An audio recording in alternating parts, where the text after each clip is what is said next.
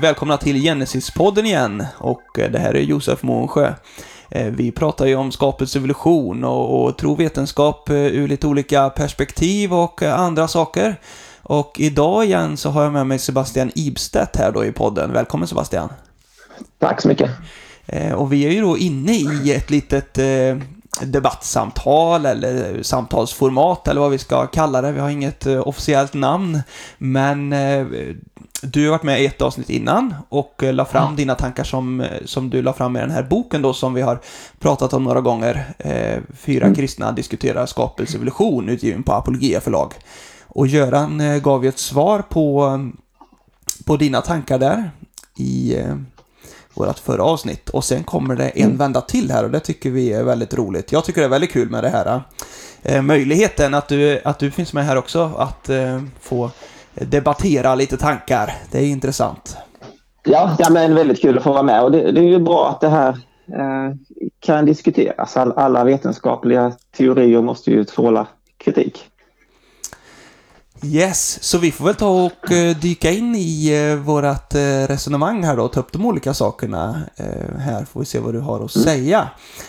Men Um, ja, Göran hade något inledningsresonemang, men annars är det ju det här med eh, Ramidus då, apmänniskan, som vi har eh, pratat en del om. Och, och Göran säger ju där att, eh, ja, enligt honom då, och det som han ser så är ju det här en, det är en apa, en, någon form av eh, schimpansliknande grej. Och att eh, han menar att det inte finns så mycket som tyder på något annat. Bland annat så nämnde han ju att ländryggen, den säger man ju då, eller man tänker sig att den från eh, visst forskarhåll då, så tänker man att den skulle vara eh, människolik, men man har inte hittat de eh, kotorna och, och bitarna där och eh, händerna är människolika, eller aplika, mm. armarna är aplika, mm. fötterna är aplika. Mm. Men vad är, mm. vad är det specifikt då liksom om du vill eh, slå tillbaka lite på detta, eller jag vet inte vad du har att gensvara, men eh, tycker du att Görans resonemang håller där, eller finns det saker som, eh, där du tänker annorlunda? Ja, Um, nej, men eh, Göran gör, gör ett, ett bra försök att, att uh, nedmontera uh, det här argumentet då som uh, jag har i, i, i den här boken. Och det är egentligen två argument som jag har här. Dels är det ju att, att det finns en hel del fossil då som utgör ett slags morfologiskt mellanting eller en mosaik då mellan Medan andra eh, organismer, i det här fallet då eh, Ardipithecus ramidus. Och det andra är ju att, att eh, i många fall så saknas det då tydliga gränser eh, mellan olika organismer när man tittar på olika egenskaper då, som, som hjärnstorlek men även greppförmåga, förmåga till upprättgång och verktygsanvändning. Då, va? Utan det, det verkar ofta vara gradskillnader och det stämmer väl med, med att det har skett en, eh, en utveckling. Så argumentet är ju egentligen att det, det är mer väntat enligt en evolutionär skapelsemodell då. Eh, eh, jämfört med då en, en icke-evolutionär skapelsemodell så att säga då, att, att eh, se de här mönstren. Då. Så därför talar detta då till förmån för eh, ett gemensamt ursprung. Då. Men Göran tycker det med Ramidus, liksom att han dementerar ju dina eh, argument mycket kring varför Ramidis skulle vara en eh, mellanform. Men är det något spe ja, specifika men... saker där liksom som du tycker pekar på att det är en övergångsform eller sådär? Ja, precis. Han, han, han, han menar ju då att eh, Ardipithecus eller Ardi då som är det mest eh, kompletta fyllet då att, att den skulle vara anatomiskt eh, och morfologiskt oskiljbar från en apart. det inte finns någon skillnad där. Då. Men där menar ju faktiskt forskarna att, att det finns eh, ganska väsentliga skillnader. Eh, att man menar ju då att Ardipithecus var bättre anpassad att gå på två ben än vad de stora aporna idag är. Då alla stora apor idag kan ju gå på två ben som, som vi har sagt. Då, va? Eh, och då går de med böjda höfter och knän och de håller balansen med händerna. Eh, och man tror att Ardipithecus gick inte uteslutande på två ben. Eh, men, men hon hade då en, en mosaik av olika egenskaper som gjorde att hon var hyfsat bra på att gå på två ben och hon var hyfsat bra på att klättra i träd. Så hon var betydligt sämre än människor på att gå på två ben men betydligt bättre än schimpanser och vice versa då med avseende på att klättra i träd. Men om jag kommer ihåg specifikt så nämnde Göran att eh, att det hade delvis med eh, någon låsningsfunktion i handleden att göra som var en anledning till att man påstår detta då. Men att alla nu levande apor har ju inte heller den låsningen.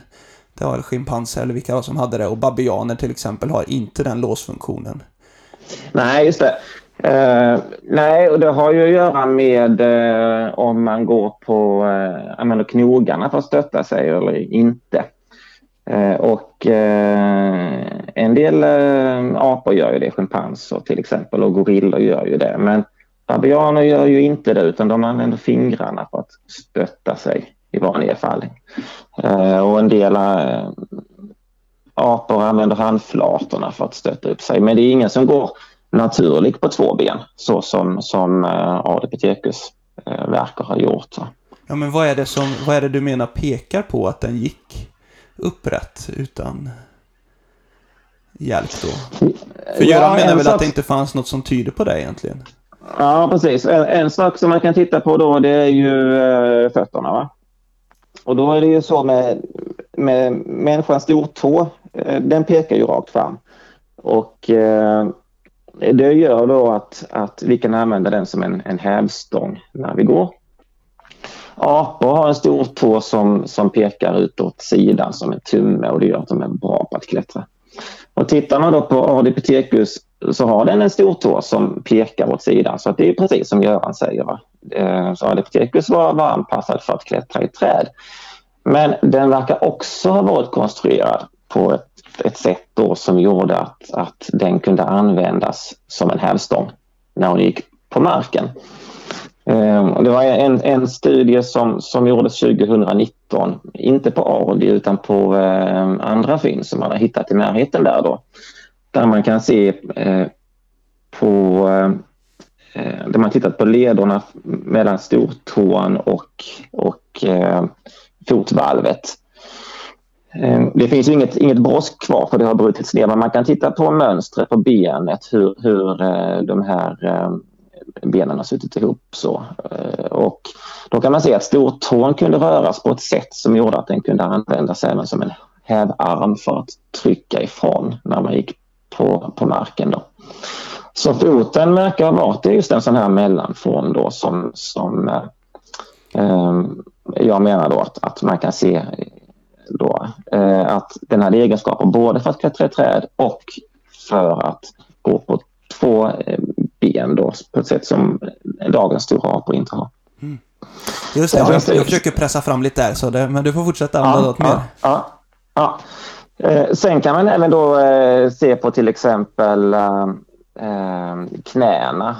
När schimpanser står så, så är knäna utanför ankeln som de är hjulbenta när människor står så är knäna mer ovanför ankeln och eh, den vinkeln som människor har den verkar även Ardipithecus ramidus ha haft. Då. Så att gången verkar ha varit mer eh, effektiv, mer energisnål på det sättet då, jämfört med eh, dagens schimpanser. Då. Eh, så att, att det, det, är väl en annan sån sak då. Eh, sen kan man titta, om man går upp ett, ett snäpp till då, så om man tittar på höften så då säger, säger jag så här då att man gjorde 14 datorrekonstruktioner och så valde man då den bilden som var ett, ett eh, mellanting mellan mänsklig höft och, och aphöft. Men frågan är ju då varför valde man just den konstruktionen? Kan det ha varit så kanske att, att det var den bästa? Eh, och i den här studien som gjordes 2019 då så, så har man tittat på eh, just, just eh, höften då Eh, Eh, och då är det så att människor har på, längst upp på höftbenet ett utskott som heter trochanter major och sen en liten grop som heter fossa trochanterica. Eh, och hos människor så är de, eller även primater har de, va? och de är större hos primater än de är hos, hos människor, så där skiljer de sig åt. Va? Och de här strukturerna det är ju viktiga, viktiga muskelfästen Eh, för muskler som används vid gång, till exempel gluteusmusklerna. Eh, och eh, gluteusmusklerna är ju mer effektiva vid upprättgång hos, hos människor jämfört med hos apor. och Det har att göra med hur de är infästa här. Om man då tittar på hur det ser ut hos ADPTecus med de här strukturerna så ser man då att, att de är i samma storleksordning som de är hos eh, människor. Eh, så att den här gropen till exempel den är då eh, 5 till 10 millimeter eh, djup hos ADPTecus och det motsvarar vad det, vad det är hos människor. Hade det varit hos schimpanser eller haft samma, samma, samma struktur som hos schimpanser eller moderna apor har skulle den varit kring 16 mm. Då. Så att där är det mer lik människor. Och, och likadant om man tittar då på lårbenshalsen så Eh, den eh, yttre delen av benet är mycket tunnare hos människor än vad den är hos, hos apor. Och den är även tunn hos eh, Adepticus ramidus. Då. Och det relaterar också då till vilka mus muskler som är aktiva vid gång. Då. Så att, att eh, det här då att, att eh, det inte går att skilja det från en apa, det stämmer ju inte riktigt. Då, utan, utan det finns en del saker som skiljer Ardipithecus åtminstone från moderna eh, apor. När man tittar noggrant. Då. Just det. Ja, då har vi fått lite stoff på det. Som vi får se vad det kan bli för gensvar i så fall. Är det något mer du vill nämna kring eh, Ramidus och apor och grejer här? Annars ska vi hoppa vidare till eh, nästa. Ja, en sak till då. Eh, och eh, Göran, han säger en sak som, som jag eh, reagerar lite på då och det är att eh, när man hittar Ardipithecus ramidus och jag antar att han syftar på Ardi här då, det mest, mest kända fyndet, så hittar man den tillsammans med människoben. Eh, och det är klart att om, om det nu är på det sättet så, så eh, blir ju det ett, ett stort problem då för, för eh, evolutionstanken. För det blir väldigt svårt att säga att den ena är föregångare till den andra när alla förekommer samtidigt då så att säga. Och eh, de första fynden av Ardipithecus gjordes ju eh, 92 i ett utgrävningsområde i Etiopien som heter Aramis. Och eh, sen, sen fortsatte man gräva där och sen 94 så hittade man det här mer kompletta fyndet då som, som kallas för Ardi. Och tittar man i, i originalpublikationen, den kom ju först 2009 därför att man höll på i många år med att, att gräva upp det här. Man var liksom väldigt noggrann så att inte fossilen skulle gå sönder och så. Eh, tittar man i den här publikationen från 2009 av de som hittade fyndet så, så, finns det en lång tabell på vad det är man har hittat i det här området. Då. Och det är väldigt fossilrikt. Där är, det är fåglar och det är en, ett antal eh, däggdjur, då, mest, mest gnagare. Men så är det tre arter av primater. Och förutom Ardipithecus så är det två utdöda apor. Men det finns inga människoben som man hittat i det här området. Så det är inga, inga rester efter, efter Homo sapiens. Um, däremot så har man ju hittat ett, ett fynd efter flera eh, olika eh, Ardipithecus eh, individer. Och anledningen till att man kan säga att det är flera olika individer det är ju för att eh, eh, de ligger utspridda över det här området. Varje individ ligger samlad på ett, ett ställe. Men Sen finns det flera olika, olika individer. Då. Eh, och eh, när man hittade då Ardis så, så eh, letade man inom ett område. Man började med att hitta, hitta eh, delar av, eh, av handleden. Då. Sen grävde man på ett område där på tre kvadratmeter och då hittade man i princip hela det här skelettet. Då. Eh, och det är så tydligt beskrivet i den här eh, originalartikeln hur man gjorde. Så att, därför blir jag lite förvånad när, när Göran säger då att det låg utspridd på ett område med en radie på 6 kilometer. För det är, det är, inte alls så det står beskrivet. Just det. Men det, jag tror, jag är osäker nu Sebastian, men det skulle kunna vara så att han refererar till Australopithecus där också va? Men eh, vi får låta det förbli osagt. Men Det i alla fall så vad gäller Ardi så, så menar du att det finns inga, eh, inga människofossil eh, fossil där och eh, utspriddheten är också, de de är inte alls så utspridda som eh, Göran De- nämnde de som inte- kanske var mm, Australopithecus, men ja. Ja, ja, ja precis. Och, och, och jag, jag, jag frågade också han som, som hittade Ardi då? Ehm, hur det egentligen var då. Var den verkligen utspridd på 6 kilometer? Och då, då, då bekräftar han just det här då att hela det här utgrävningsområdet är så pass stort. Men just den här individen då, Ardi, den låg eh, på 3 kvadratmeters område. Eh, Ja, Så, men då- så att, eh, så att eh, jag tror inte man behöver oroa sig så mycket just för den invändningen då. Att, eh, man har behövt pussla ihop flera olika individer. Men det verkar som att det är flera individer som, som man hittat här då. Men att varje individ ligger på ett, ett litet område då på ett par kvadratmeter. Eh, om vi hoppar vidare till ERV lite istället då, efter att ha pratat om lite apmänniskor här.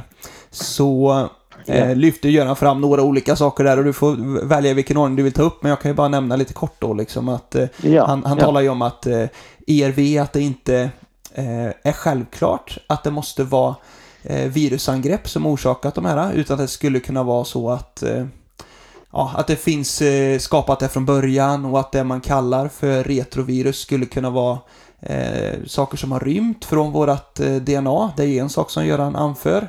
Och Just det. eh, ja, och, och sen även här har vi något mer då. Eh, Göran säger att eh, att ERV inte borde bevaras om det inte har funktion. Att då borde de inte Mm. liksom finnas kvar intakta och det tyder ju i så fall då på att på att egentligen alla de här då ERV, som man kallar dem, de bitarna, att det är saker som har en tydlig funktion i vårat eh, DNA. Och det vet jag inte om du Mm. köper heller då. Men, eh, och sen ytterligare så nämnde han ju att ERV, att det finns eh, ERV-bitar som schimpanser inte har, men som människor och orangutanger har gemensamt. Och att det blir lite märkligt då ur ett evolutionärt perspektiv.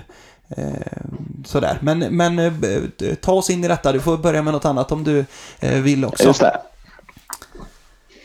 Eh, just det, och, och eh, jag antar att vi inte behöver förklara då igen vad eh, ERV är. Nej, vi skippar där. Man får lyssna på föregående Ja, avsnitt ja. i så fall. Ja, ja, ja, just det. Eh, och argumentet här egentligen det är ju då att, att när vi har samma ERV på samma lokus, alltså på samma ställe i DNA, så finns det två förklaringar här då. Va? Som, som, som Göran mycket riktigt säger, det ena är att eh, samma retrovirus har infogats på samma lokus två gånger oberoende av varandra. Eh, och det andra är att, att det har integrerats då i en, i en gemensam förfader. Och det har förts vidare tills idag då, att de är, de är ortologa som det heter då. Och det första alternativet det, det är ju väldigt osannolikt eftersom eh, retrovirus verkar integreras i princip slumpmässigt i arvsmassan. Alltså det, att de skulle sitta på samma ställe eh, när de har infogats två gånger, det, det, det händer liksom inte. Det är, inte- det är inte en det är inte ett realistiskt alternativ då. Så därför eh, föreslår då Göran att, att de skapades från början i, eh, i arvsmassan och sen så har de eh, rymt snarare då. Så att det, det kan man säga det är den omvända förklaringen mot. Precis, och Göran menar väl att de, de här kodbitarna då i DNA har ingenting med virus att göra egentligen, utan de är en del av programmeringen liksom som finns där från början. Ja, ja, ja precis. Det, det är väl så jag, jag tolkar, tolkar honom också. Då. Mm. Eh, och då har han ju helt rätt då i att, att man, man inte har sett eh, virus-DNA integreras i människans eh, DNA då. Så vitt jag vet så har man inte gjort det. Däremot så vet man ju ganska väl hur den här processen fungerar och som, som Göran också nämner då så kan man observera det i realtid hos bland annat koalor då därför att det är en pågående eh, epidemi där då bland, bland koalor. Så där kan man, där kan man se då hur, hur eh, ERV infogas så att de sätter sig på olika ställen i arvsmassan. Då. Så att, att, att det skulle kunna ske, eh, det verkar ju ganska troligt. Då. Sen, sen så finns det egentligen inget eh, tvivel om att det är virus-DNA. Det tror jag egentligen inte att, att Göran säger emot eh, heller då egentligen. Eh, därför att de här eh, eh, sekvenserna då, de består ju av virusspecifika gener. Det är tre olika gener som det brukar vara då. Va? Det är en gen som kodar för viruskapsel, det är en gen som kodar för eh, kärnan i, i retroviruset, alltså proteinet som finns i kapseln och sen är det en, en gen som kodar för virusspecifika gener som omvänt transkriptaser och integraser. Eh, och det är ju gener som, som virus använder.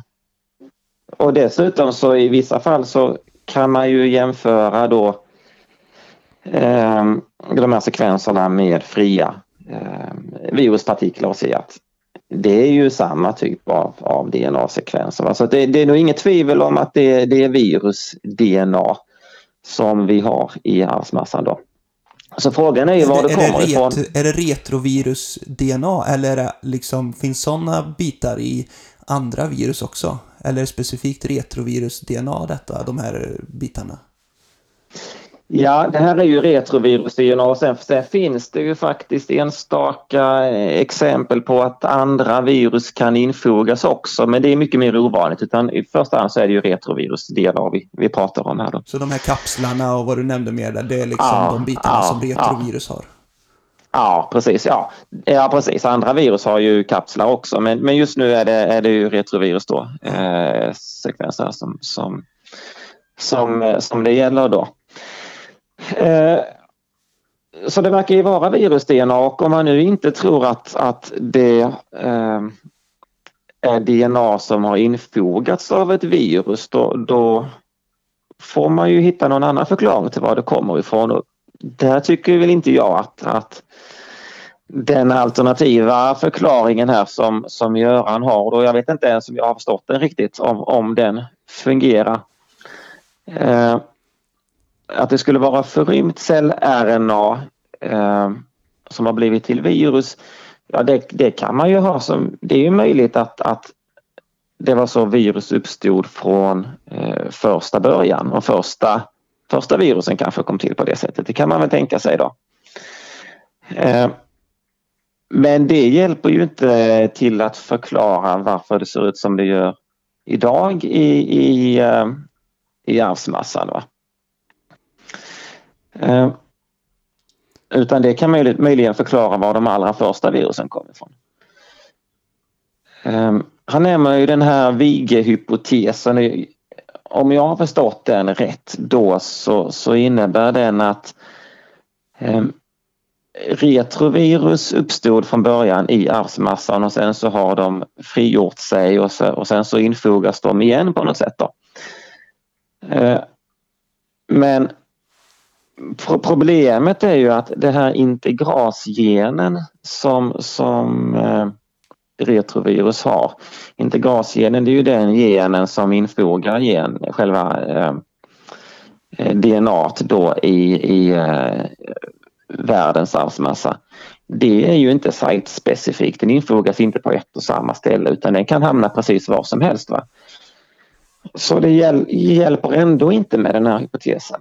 Eh, som förklaring till varför vi ser det här mönstret när vi jämför olika arter då att eh, retrovirus verkar förekomma.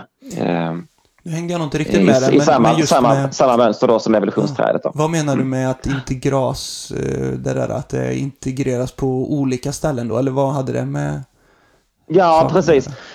Precis, för att, att eh, vad som krävs då är ju, du måste ändå förklara liksom att eh, varför de här eh, retrovirussekvenserna sitter på samma ställe i olika organismer.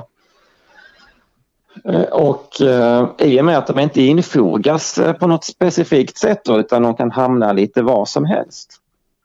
Så eh, ska inte jag säga att det hjälper att förklara var eh, eh, virus kom ifrån eh, eh, som, som så att säga en, en evolutionär förklaring. Då, va? Utan du måste fortfarande förklara varför de sitter på ett och samma ställe eh, i, i olika organismer. Då. Men det här integras då, används det i våra gener, i vårat DNA? Eller ligger det bara där och skräpar? Nej, integraset är ju det är ett protein som, eh, eller rätt sagt det, är ett protein då som bildas eh, från den här sekvensen som viruset eh, har med sig. Då. Så viruset innehåller ju... Men den här sekvensen har en funktion i vårt DNA? Integraset? Ja, integrassekvensen. Ja, just det. Just, nej, det, det, är ju det, det använder ju viruset då för att infoga sitt eh, DNA i vår arvsmassa. Just det, så det är inget som våra kroppar ja. kopierar och använder liksom den eh, sekvensen till någonting? Ja, det, det är ju möjligt att, att, eh, att våra kroppar kan använda det till någonting annat. För att, att det är ju precis eh, som, som, som Göran säger då, va? att eh, en, en del av de här retrovirussekvenserna kan verka kunna ha, eh, verka ha anpassats eh, för att utföra funktioner. Då, va? Eh, och eh, han säger ju att, att eh, endogena retrovirus har, har en massa jätteviktiga funktioner och det är ju helt rätt. va. Eh, till exempel då så, så verkar det som att eh, endogena retrovirus är inblandade i, i genreglering. Och det tar ju Göran också upp som ett exempel då. Va? Eh, och eh, men du tänker att det har kommit till efterhand då? Från ja, ja, då, ja, men precis. Uh, och ett sätt som det här kan ha skett på det är ju helt enkelt att, att uh, de här endogena retrovirussekvenserna då som infogas, de innehåller ju så kallade promotorsekvenser. Och promotorsekvenser det är en DNA-snutt som används för att aktivera en närliggande gen. Och eh, när de eh, har suttit i, i eh, arvsmassan så kommer ju generna att börja mutera, alltså virusgenerna kommer att börja mutera och de, de slutar ha säg, virusfunktion. Men om det är så att promotorsekvensen sitter kvar då kommer den ju att börja aktivera um, de vanliga generna som sitter i närheten istället. Då. Alltså det är inte speciellt konstigt att, att uh, endogena retrovirus kan ha en funktion i genreglering. Yes, det här som Göran nämnde då med att det finns ERV eh, e som människor och eh, orangutanger har gemensamt men som eh, schimpanser inte har till exempel då. Finns det någon bra, har, hur förklarar man det liksom ur ett evolutionärt perspektiv? Ja, just det. Ja, ja men precis. Ehm, det här är ju, får man säga, det är ju, det är ju ett undantag från det generella mönstret då. Ehm, det, det, det finns ett, ett endogent retrovirus ehm, som kallas för HERVKGC1. och det är ett, ett retrovirus då som, som förekommer hos, hos människor och eh, gorillor tror jag det är, men inte, inte hos schimpanser. Då. Eh, och, det, och det är ju som sagt ett, ett undantag då. Va? Eh, eh, och vad man kan tänka sig då det är att, att det har gått till på det här sättet då att eh, det här endogena retroviruset eh, infogas i en, en evolutionär förfader då till människor, schimpanser och gorillor. Men att eh, det inte var alla individer eh, i den här populationen då eller i de olika populationerna som påverkades utan att vi fick då det som kallas för polymorfism, att det fanns en variation i DNA. En del individer hade en retrovirus, en del hade det inte då. Eh, och när det här sen delades upp då så, så var det som så att, att eh, tänker man sig då att ehm, eh, när gorillan eh, separerades från, från eh, människans och schimpansens förfader så var, var det då individer som eh, hade det här retroviruset och likadant eh, hos människans och schimpansens gemensamma förfader. Men senare i schimpansens eh, utvecklingslinje så har det då varit individer som inte har haft eh, kvar det här endogena retroviruset men eh, hos människor så har det då bevarats. Och det, det här, det här är ju sådana här eh, effekter som man kan se då eh, när man har polymorfa eh, anlag då, alltså att det finns en variation inom arten. Eh, och då kan man få sådana här effekter där ett genträd skiljer sig från eh, artträdet så att säga då. Och när man tittar på olika gener eh, och försöker ställa upp något släkts, släktskap så kommer de att skilja sig åt. Och det har att göra med att alla individer inte ser exakt likadana ut på DNA-nivå. Så att olika, olika egenskaper kan, kan eh, bevaras i vissa, vissa släktlinjer och andra egenskaper i andra släktlinjer.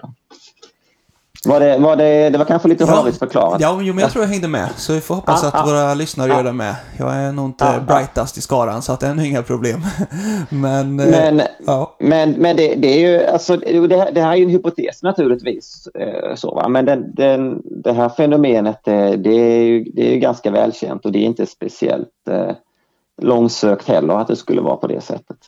Men det är, det är som sagt det här, det här är då ett undantag från, från det generella mönstret som man ser då när man tittar på förekomsten av en retrovirus. I de flesta fall så, så stämmer det eh, väldigt bra med, med eh, artträdet också. Då. Just det. Mm. Eh, ska vi hoppa vidare då från de här ERV och hoppande gener och vad det var som Göran pratade om som det hängde ihop med. med. Men eh, punktmutationer är nästa på ordningen här då? Eller vill mm. du säga något mm. mer först? Eh, nej, vi kan nöja oss där. Vi nöjer oss där.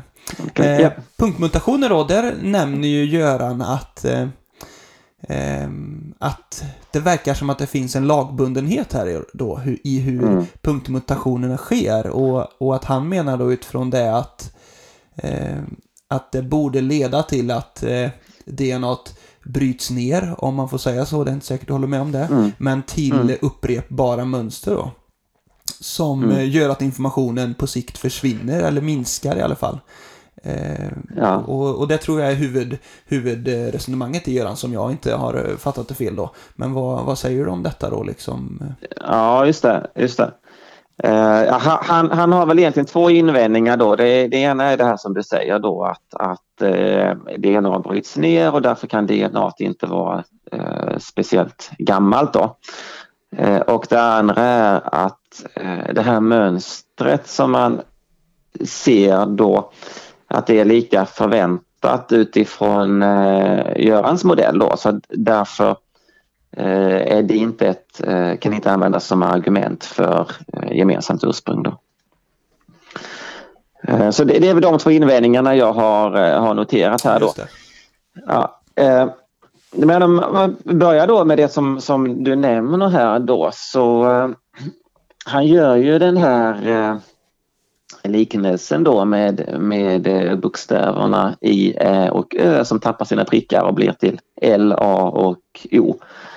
Eh, och och eh, med, med tiden då så, så, så kommer vi ha allt färre i Ä och Ö och så småningom kommer alla att ha ersatts av L, A och O. Eh, och på, på motsvarande sätt så, så enligt den här, eh, den här liknelsen då så, så, eh, så, så menar han då att med tiden så skulle allt DNA förändras och det faktum att det inte har gjort det än så visar då att DNA inte kan vara så gammalt som, som evolutionsteorin säger utan max, max några tusen år. Det är ungefär så jag, jag förstår hans in, invändning då. Mm. Problemet med den här liknelsen är att den, den stämmer inte. Det, det är inte så att de genetiska eh, förändringarna är enkelriktade utan de går åt båda hållen. Så det är inte bara så att I, Ä och Ö tappar sina prickar utan det är också så att L, A och O kan, kan få prickar och bli till I, Ä och Ö. Eh, det som, det som eh, hela det här eh, fenomenet baserar sig på då det är att vi har ju fyra bokstäver i vårt, vårt DNA då, A, G, C och T. Där A och G är kemiskt ganska lika varandra och C och T är kemiskt ganska lika varandra. Och eh, mutationer mellan likartade eh, bokstäver eller likartade kvävebaser kommer att vara vanligare än mutationer mellan olikartade kvävebaser. Eh, och mutationer mellan likartade kvävebaser det är då det som kallas med ett fint namn för transitioner. Och transitioner kommer att vara vanligast och det innebär då att A kommer att mutera till G men G muterar också till A. C muterar till T och T muterar till C. Det är transitioner. Transversioner det är de återstående förändringarna då. Det är A till T, T till A, C till G, G till C, A till C, C till A, eh, G till T och T till G. Det är transversioner. Och det är förändringar då mellan olika artade kvävebaser och de kommer att vara mycket mer Eh, ovanliga då. Så att eh, de här förändringarna kan gå i båda riktningarna och därför är det ju inte så att allt DNA till slut bara kommer att bestå av, två kvävebaser eller vad man tänker sig. Och därför så kan man inte använda det här då för att sätta en övre maxålder på, eh, på DNA. Då. Eh, så det, det, är min invändning mot, eh, mot Görans liknelse här. Att eh, den, den här så att säga, dateringsmetoden den, den fungerar inte riktigt. Just det, precis.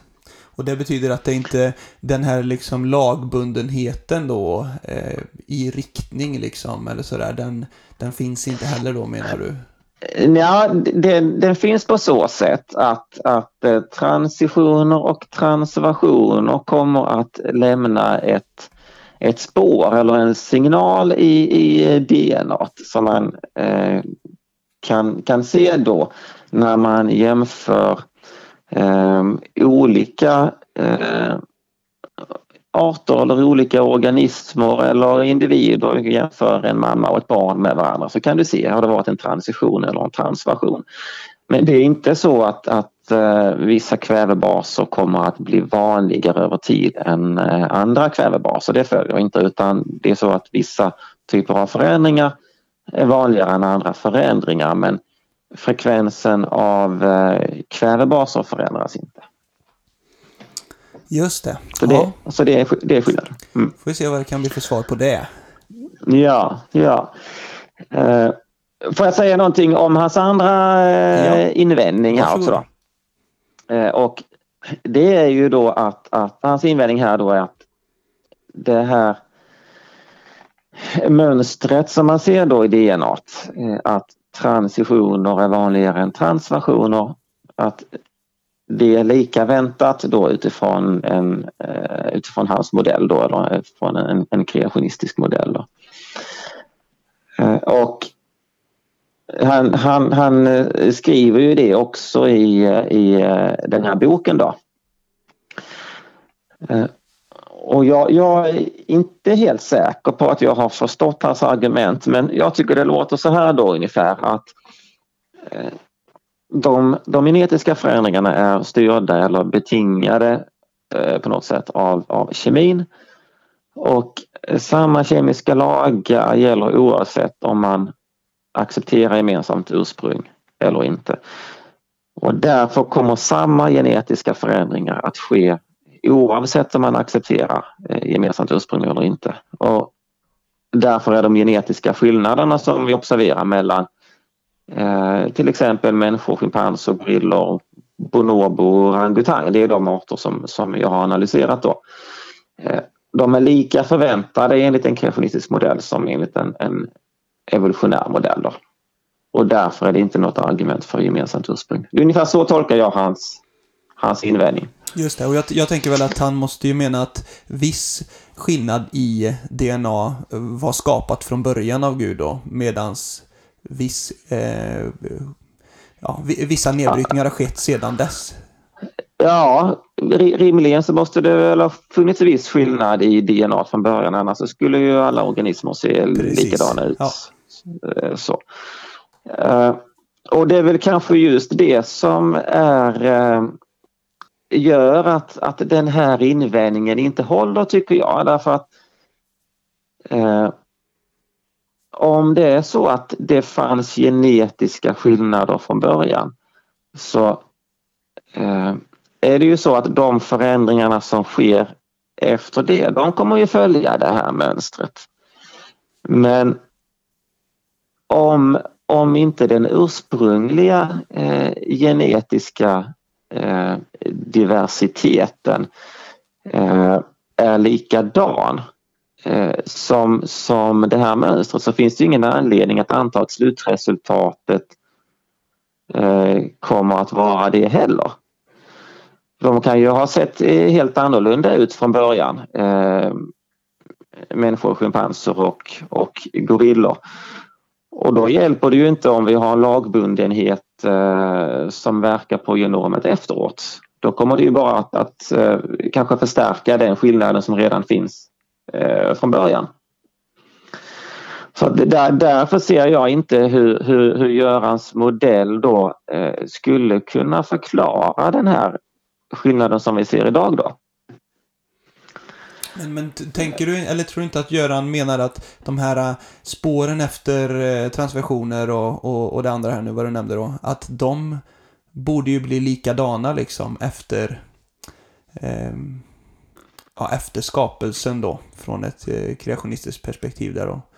Borde inte spåren ja, bli likadana liksom i efterhand? Precis, spåren blir likadana. Och om vi skulle ha jämfört eh, dagens schimpanser med de ursprungliga skapade schimpanserna, då skulle spåren vara likadana. Men om vi skulle jämföra schimpanser med människor så finns det ingen anledning att förvänta sig att de här spåren ser ut på det sättet om de inte också såg ut på det sättet från första början. Eh, så att, att eh, jag tycker inte att den här invändningen riktigt, riktigt eh, övertygad. Hänger du med på? Ja, jag hänger med. Jajamän. Ja, ja. Sen, sen så är det, är det också en annan intressant eh, eh, egenskap som man kan se om man tittar i detalj på det här då. Det är att det här eh, allelfrekvensspektrumet som det kallas då, det, den här spåret eller den här signalen då va, i DNA, att den skiljer sig lite grann mellan eh, olika eh, arter. Då. Eh, och när, när, när man jämför eh, den genetiska variationen som finns eh, hos människor och tittar då på eh, andelen transitioner och olika sorters transversioner så kan man säga att, att det förhållandet det är mest likt eh, den, den, eh, det förhållande som finns när man jämför människor och schimpanser. Men det är lite mindre likt det förhållandet som finns när man jämför människa och bonobo. Och ytterligare lite mindre likt det som man, man får när man jämför människor och gorillor och ytterligare lite mindre likt det som man får när man jämför människor och eh, orangutanger. Men, men, kan inte det förklaras utifrån att vi har lite mer likt DNA då? Med schimpanser gentemot gorillor? Jo, det, det kan det göra, precis. Och, men, men det tycker jag då säger, säger emot den här eh, teorin att, att som, som, som Göran har då, att um, det, den här lagbundenheten att det är exakt samma förändringar i, i olika eh, eh organismer eh, som har verkat på, på eh, en ursprunglig skapad eh, eh genetisk diversitet. Då.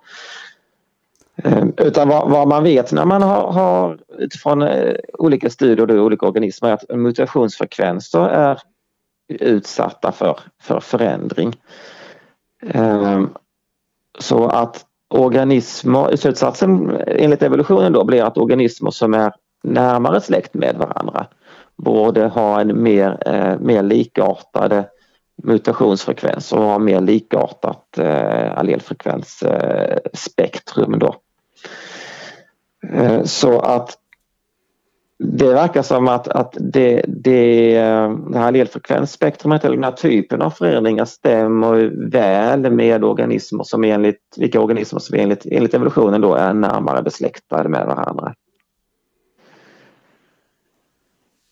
Just det. Ja, vi får... Eh, är, är, är du nöjd där på, på det här området eller något mer som behöver nämnas? Eh, ja, jag känner mig rätt så nöjd. Ja, det är bra. Då ska vi ta och prata lite om eh, fenotypisk plasticitet. Har vi ju riktat in oss på det här lite också då i nästa.